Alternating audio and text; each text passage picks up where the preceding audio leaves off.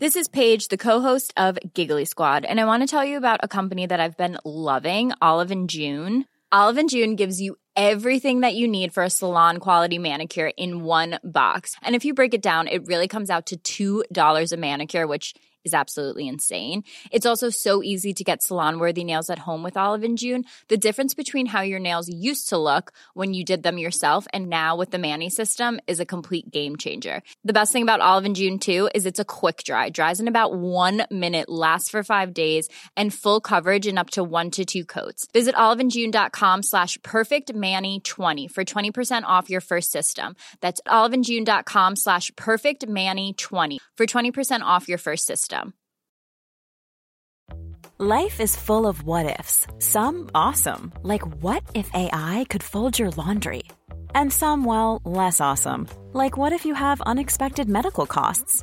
United Healthcare can help get you covered with Health Protector Guard fixed indemnity insurance plans. They supplement your primary plan to help you manage out of pocket costs. No deductibles, no enrollment periods, and especially no more what ifs. Visit uh1.com to find the Health Protector Guard plan for you. Many of us have those stubborn pounds that seem impossible to lose, no matter how good we eat or how hard we work out. My solution is PlushCare.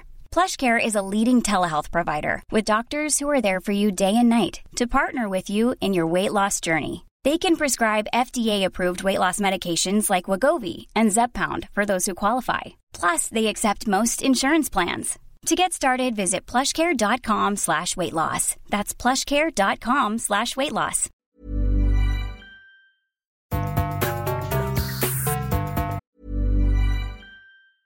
Hey, I'm Ryan Reynolds. Recently, I asked Mint Mobile's legal team if big wireless companies are allowed to raise prices due to inflation. They said yes. And then when I asked if raising prices technically violates those onerous two-year contracts, they said, what the f*** are you talking about, you insane Hollywood ass?" So to recap, we're cutting the price of Mint Unlimited from $30 a month to just $15 a month. Give it a try at mintmobile.com slash switch. $45 upfront for three months plus taxes and fees. Promo rate for new customers for limited time. Unlimited more than 40 gigabytes per month. Slows. Full terms at mintmobile.com. There's never been a faster or easier way to start your weight loss journey than with PlushCare. PlushCare accepts most insurance plans and gives you online access to board-certified physicians who can prescribe FDA-approved weight loss medications like Wigovi and Zepbound for those who qualify. Take charge of your health and speak with a board-certified physician about a weight loss plan that's right for you. Get started today at plushcare.com slash weight loss. That's plushcare.com slash weight loss. plushcare.com slash weight loss. Hold up. What was that? Boring. No flavor. That was as bad as those leftovers you ate all week. Kiki Palmer here, and it's time to say hello to something fresh and guilt-free. Hello Fresh. Jazz up dinner with pecan-crusted chicken or garlic butter shrimp scampi. Now that's music to my mouth. Hello Fresh. Let's get this dinner party started. Discover all the delicious possibilities at hellofresh.com.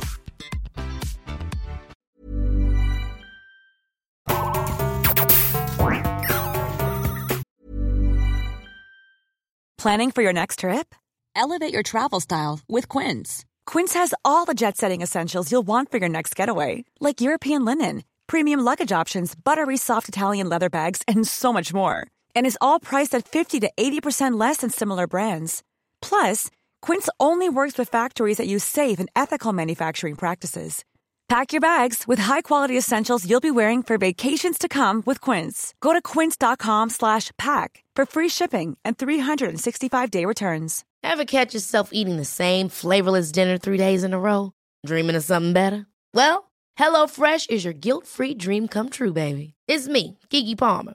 Let's wake up those taste buds with hot, juicy pecan-crusted chicken or garlic butter shrimp scampi. Mm. Hello Fresh. Stop dreaming of all the delicious possibilities and dig in at HelloFresh.com. Let's get this dinner party started. Even when we're on a budget, we still deserve nice things. Quince is a place to scoop up stunning high-end goods for 50 to 80% less than similar brands.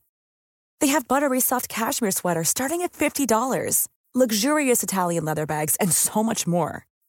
Plus, Quince only works with factories that use safe, ethical, and responsible manufacturing. Get the high-end goods you'll love without the high price tag with Quince. Go to quince.com slash style for free shipping and 365-day returns.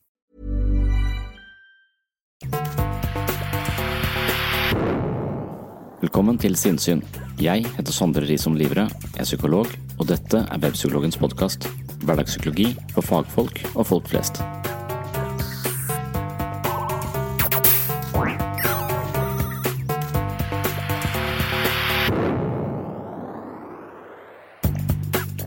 I forrige episode fikk psykolog Fredrik Mikkelsen og meg selv passet vårt påskrevet av en kollega som arbeider innenfor arbeids- og organisasjonspsykologi.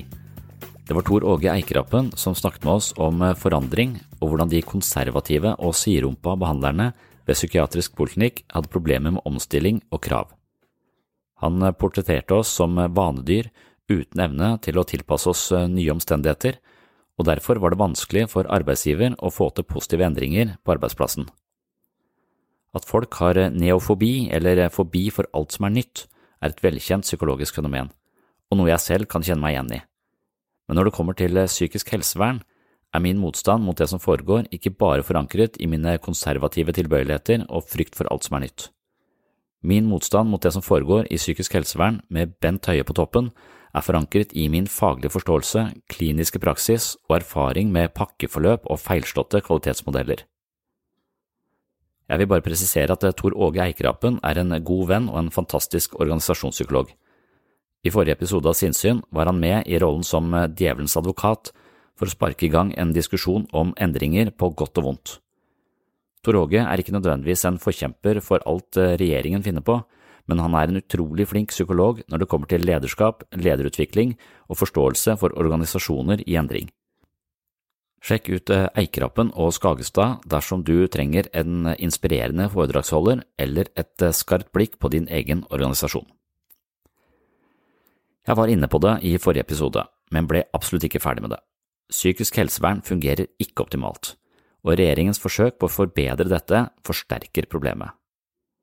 Det er mange årsaker til at vi ikke yter den beste hjelpen ved et distriktspsykiatrisk senter, såkalt DPS, og et av hovedproblemene handler om vår forståelse for hva det innebærer å ha en psykisk lidelse.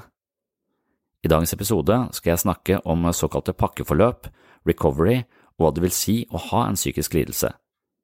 Psykiske plager er ikke det samme som kreft eller blindtarmbetennelse, selv om helsemyndighetene later som om det er omtrent det samme. Det siste som har rammet oss fra byråkratenes tåkeheim, er de såkalte pakkeforløpene. Det er en måte å strukturere og forbedre pasientens behandling i sykehussystemet. Det har fungert godt i forhold til kreft, og tanken er at det dermed kan fungere like godt innenfor psykisk helsevern. Det gjør det ikke, og det kommer ikke som en overraskelse på de som jobber med behandling av psykiske plager. Å strømlinjeforme et utrednings- og behandlingsforløp i psykisk helsevern egner seg ikke, simpelthen fordi depresjon og depresjon kan være to vidt forskjellige ting. Denne episoden er litt helsepolitisk, men jeg håper den også inneholder en del elementer som kan være nyttige for folk flest.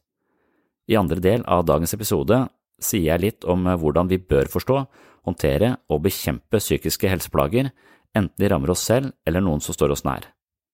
Her er det en del generelle tips og forebyggende tiltak man bør kjenne til, men de som hører mye på sinnssyn, har nok hørt en del av dette fra før.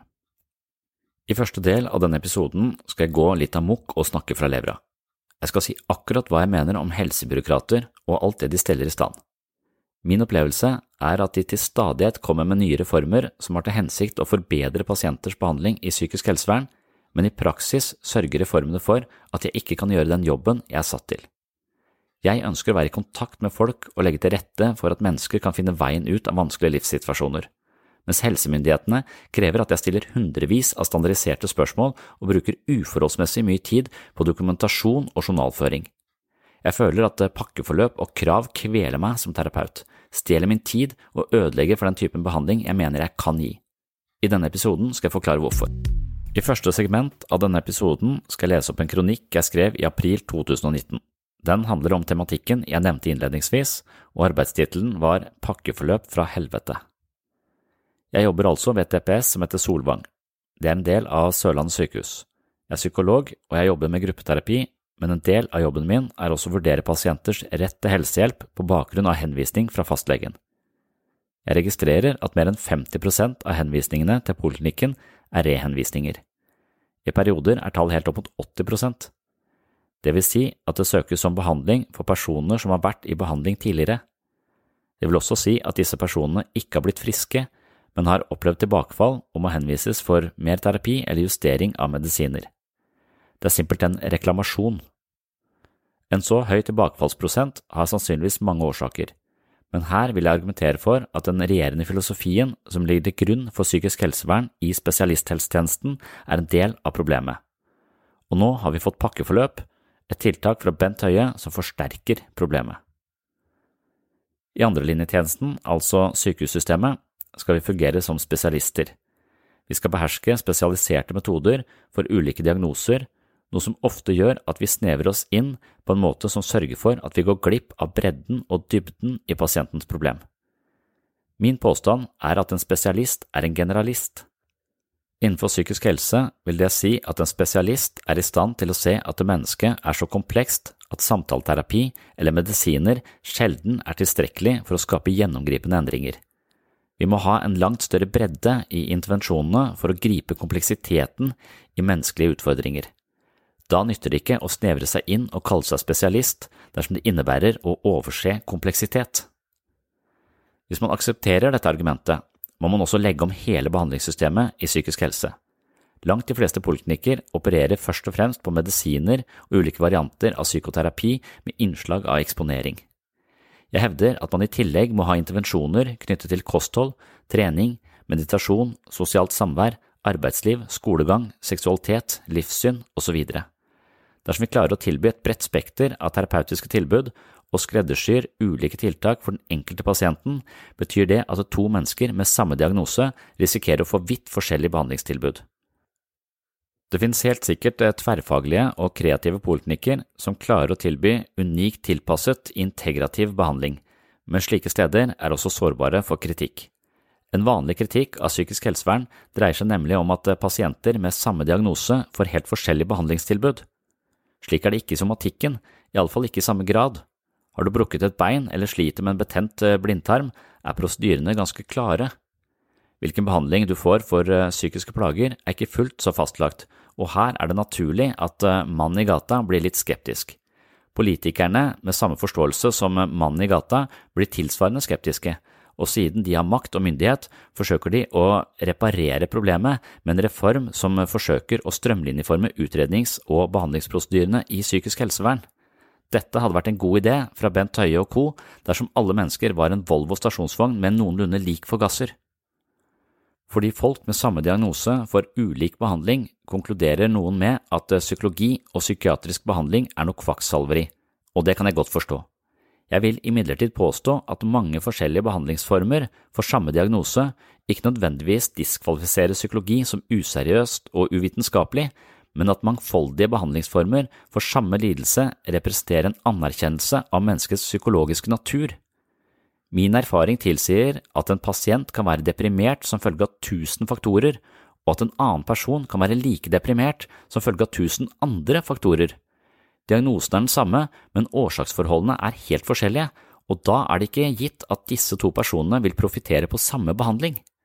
Dessuten er det slik at over halvparten av oss kvalifiserer for depresjon i løpet av et liv, og da kan vi ikke påstå at en dyster sinnsstemning som kvalifiserer for en ICD-10-diagnose, er unormalt. Vi tilstreber likevel å måle og veie menneskers indre psykologiske disposisjoner slik at det passer inn i diagnostiske kategorier, og vi later som om denne typen utredninger resulterer i objektive vurderinger av menneskers indre liv. Denne misforståelsen skyldes kanskje vårt tette kompaniskap med somatikken, og det har skadet både forståelsen og behandlingen av psykisk helse i mange år. Pakkeforløpene pålegger oss å bruke seks timer i løpet av seks uker eller lignende på standardiserte spørsmål for å kvantifisere menneskers opplevelsesverden, vel vitende om at en million uforutsigbare faktorer spiller inn på hva personen svarer i akkurat denne situasjonen. Utredningen skal munne ut i en diagnose og en behandlingsplan. Vi har en magisk tiltro til spørreskjemaer i utredningsøyemed, og vi innbiller oss at vi legger opp behandlingen etter konklusjonen på utredningen men faktum er at behandlingen stort sett foregår på et kontor, og da sier det seg selv at behandlingen ofte er begrenset til en form for samtaleterapi eller eventuelt medisinering. Vi har allerede liten tid og få ressurser, og pakkeforløpene stjeler enda mer av vår tid til administrasjon, journalføring og tilfredsstillelse av byråkratiske måleverktøy som skal sørge for at alle pasienter skal få det samme, selv om de er helt forskjellige. Som en slags innrømmelse av dette har Sørlandet sykehus begynt å snakke om recovery som en ny metode vi skal ta i bruk. Det er en behandlingsfilosofi med røtter i antipsykiatribevegelsen fra 60-tallet, og den hevder at veien ut av psykisk lidelse som regel er sammensatt av veldig mange faktorer og tiltak, og at man må gi rom for mangfold og kreativitet i behandlingsforløpene dersom man skal lykkes med tilfriskning. Det er det motsatte av pakkeforløp, men sykehusledelsen hevder at det ikke foreligger noen motsetning. Det er som å påstå at det ikke er noen motsetning mellom Frp og RV.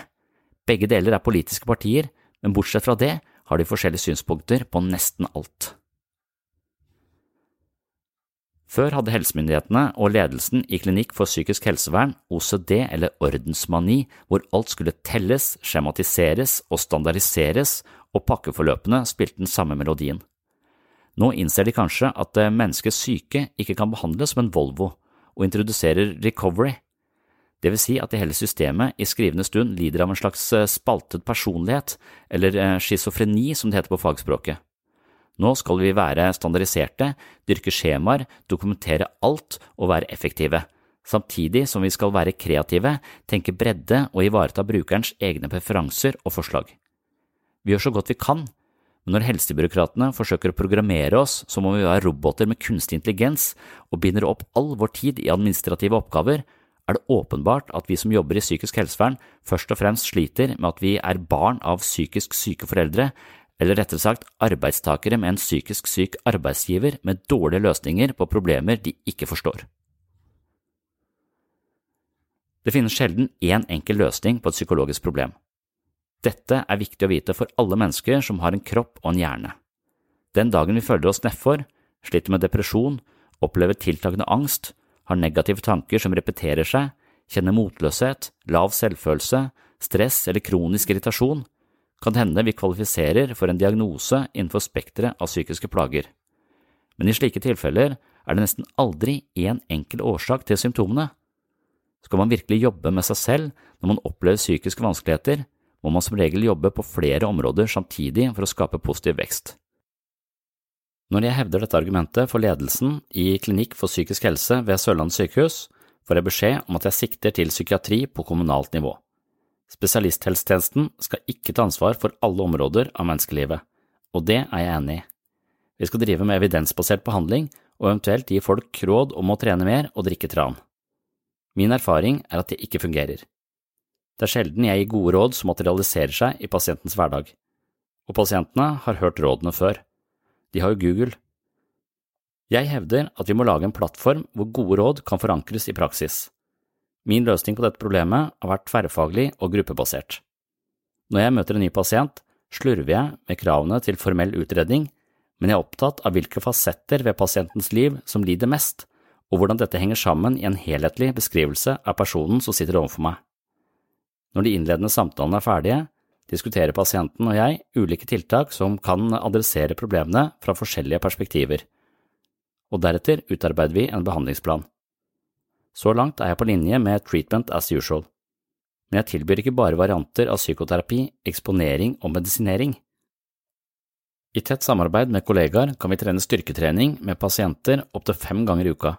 Vi har løpende workshoper i psykologi og filosofi to ganger i uka psykoedukative samtalegrupper, felles måltider, gåtur i skogen for sosial trening eller fysisk fostring, meditasjon, medisinsk yoga, kostholdsgrupper, kreative verksteder, kunst- og uttrykksterapi, volleyball, tett samarbeid med spesialister på jobb, karrieremuligheter og skolegang.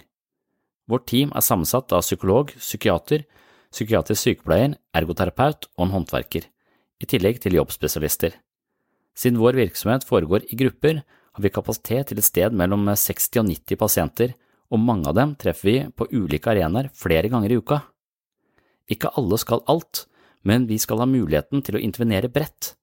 Når jeg møter en deprimert ung mann som vil finne tilbake til et liv uten tungsinn, kan jeg forklare ham at veien til et bedre liv involverer både terapi, kosthold, trening og sosialt samvær i akkurat dette tilfellet, og jeg kan tilby det der og da. Jeg kan til og med si at jeg ikke kan hjelpe ham dersom han ikke blir med i treningsgruppa og lærer seg mer om psykisk helse i en av våre workshoper. Jeg opplever at det blir lettere å stille krav og ansvarliggjøre mennesker i eget terapiforløp når jeg har muligheten til å følge opp på flere områder. Når vi i tillegg kan peke pasienter ut mot arbeidsmarkedet på en aktiv måte som en del av tilbudet, opplever jeg at vi kan påberope oss tverrfaglighet i praksis. Jeg tror også at vi kan påberope oss å drive med recovery. Det er imidlertid noe vi alltid mangler, og det er tid. Denne våren kom pakkeforløpene og stjal enda mer av vår tid, og jeg er ikke alene om å oppleve dette som en særdeles dårlig løsning for psykisk helse. Det var det jeg ville si innledningsvis, og nå skal du få være med til Universitetet i Agder. Det er et seminar hvor studentene innen psykisk helsearbeid skal få innblikk i ulike deler av faget i praksis. Jeg skal presentere hva jeg tenker om behandling av psykiske plager i relasjon til hvordan jeg faktisk legger opp og driver behandlingen ved poliklinikken. Dette er et foredrag du som følger sinnssyn kan ha hørt før, men det endrer seg alltid litt, og jeg tar det med her fordi jeg er spesielt opptatt av tematikken rundt forholdet mellom pakkeforløp og recovery. Og bare før vi går til eh, universitetet, så vil jeg nevne at jeg så en episode av Trygdekontoret med Thomas Seltzer, hvor han hadde vært i England og intervjua en eller annen fyr ved et universitet som eh, forsket på jobber, og påstanden var at 37% av alle jobber som eksisterer, er bullshit-jobber.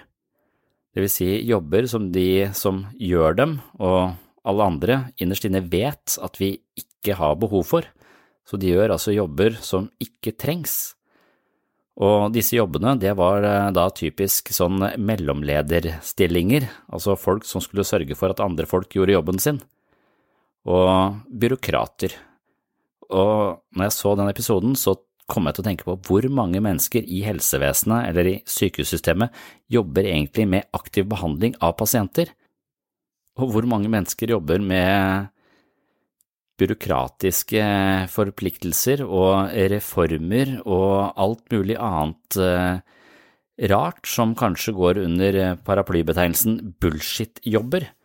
Jeg har i hvert fall en opplevelse av at eh, mange mennesker er litt for langt unna gulvet der jobben faktisk foregår, men det er likevel de som bestemmer hvordan denne jobben skal gjøres, og hvis du går da helt opp til Bent Høie, så er jeg usikker på om eh, han og hans team er eh, de beste til å avgjøre hvordan eh, vi skal drive psykisk helsevern. Han har helt sikkert gode rådgivere, men det virker ikke som om de er gode nok for det å forvalte psykisk helsevern som om psykiske lidelser var blindtarmbetennelse eller lignende, og rulle inn pakkeforløp bare fordi det har funka i forhold til kreft, det tror jeg vi vil innse, og vi har innsett det, og Danmark har allerede erfaring med at det ikke funker, så dette er ingen god løsning, sånn jeg ser det. Men det kommer jeg til å si mer om i eh, det kommende foredraget fra Universitetet i Agder, hvor jeg også kommer til å snakke en del om eh, hvordan jeg tenker om psykisk helse i forhold til en mer recovery-tankegang, som også ifølge mine beregninger er det stikk motsatte av et eh, pakkeforløp. Hei, du har nå hørt starten på en av de eldre episodene her på Sinnsyn. Denne episoden, i sin fulle lengde, er nå lagt i arkivet. Hvis du ønsker å høre hele episoden, har du to alternativer. Du kan laste ned Sinnsyn-appen fra Google Play eller AppStore. I Sinnsyn-appen kan du gå inn på podkast og finne hele arkivet. Her ligger de 370 første episodene av Sinnsyn i sin fulle lengde og originale form, i tillegg til 40 bonusepisoder fra tidlig sinnssyn. Og disse arkivepisodene er til og med uten reklame fra tredjepart. Alternativ to, hvis ikke du vil bruke Sinnsyn-appen, er å gå inn på patron.com for segs sinnssyn. På Patron kan du finne en feed som inneholder alle de arkiverte episodene. Denne feeden kan du legge inn i din favoritt-podkastspiller, og vips har du tilgang til alle episodene fra Sinnsyn i perioden mellom juli 2016 og oktober 2022, altså seks år med Sinnsyn-episoder i sin fulle lengde uten reklame. Sinnsyn-appen og Patron er to forskjellige plattformer, men begge to inneholder Sinnsyn-arkivet, i tillegg til alt du trenger for å komme i form både mentalt og fysisk.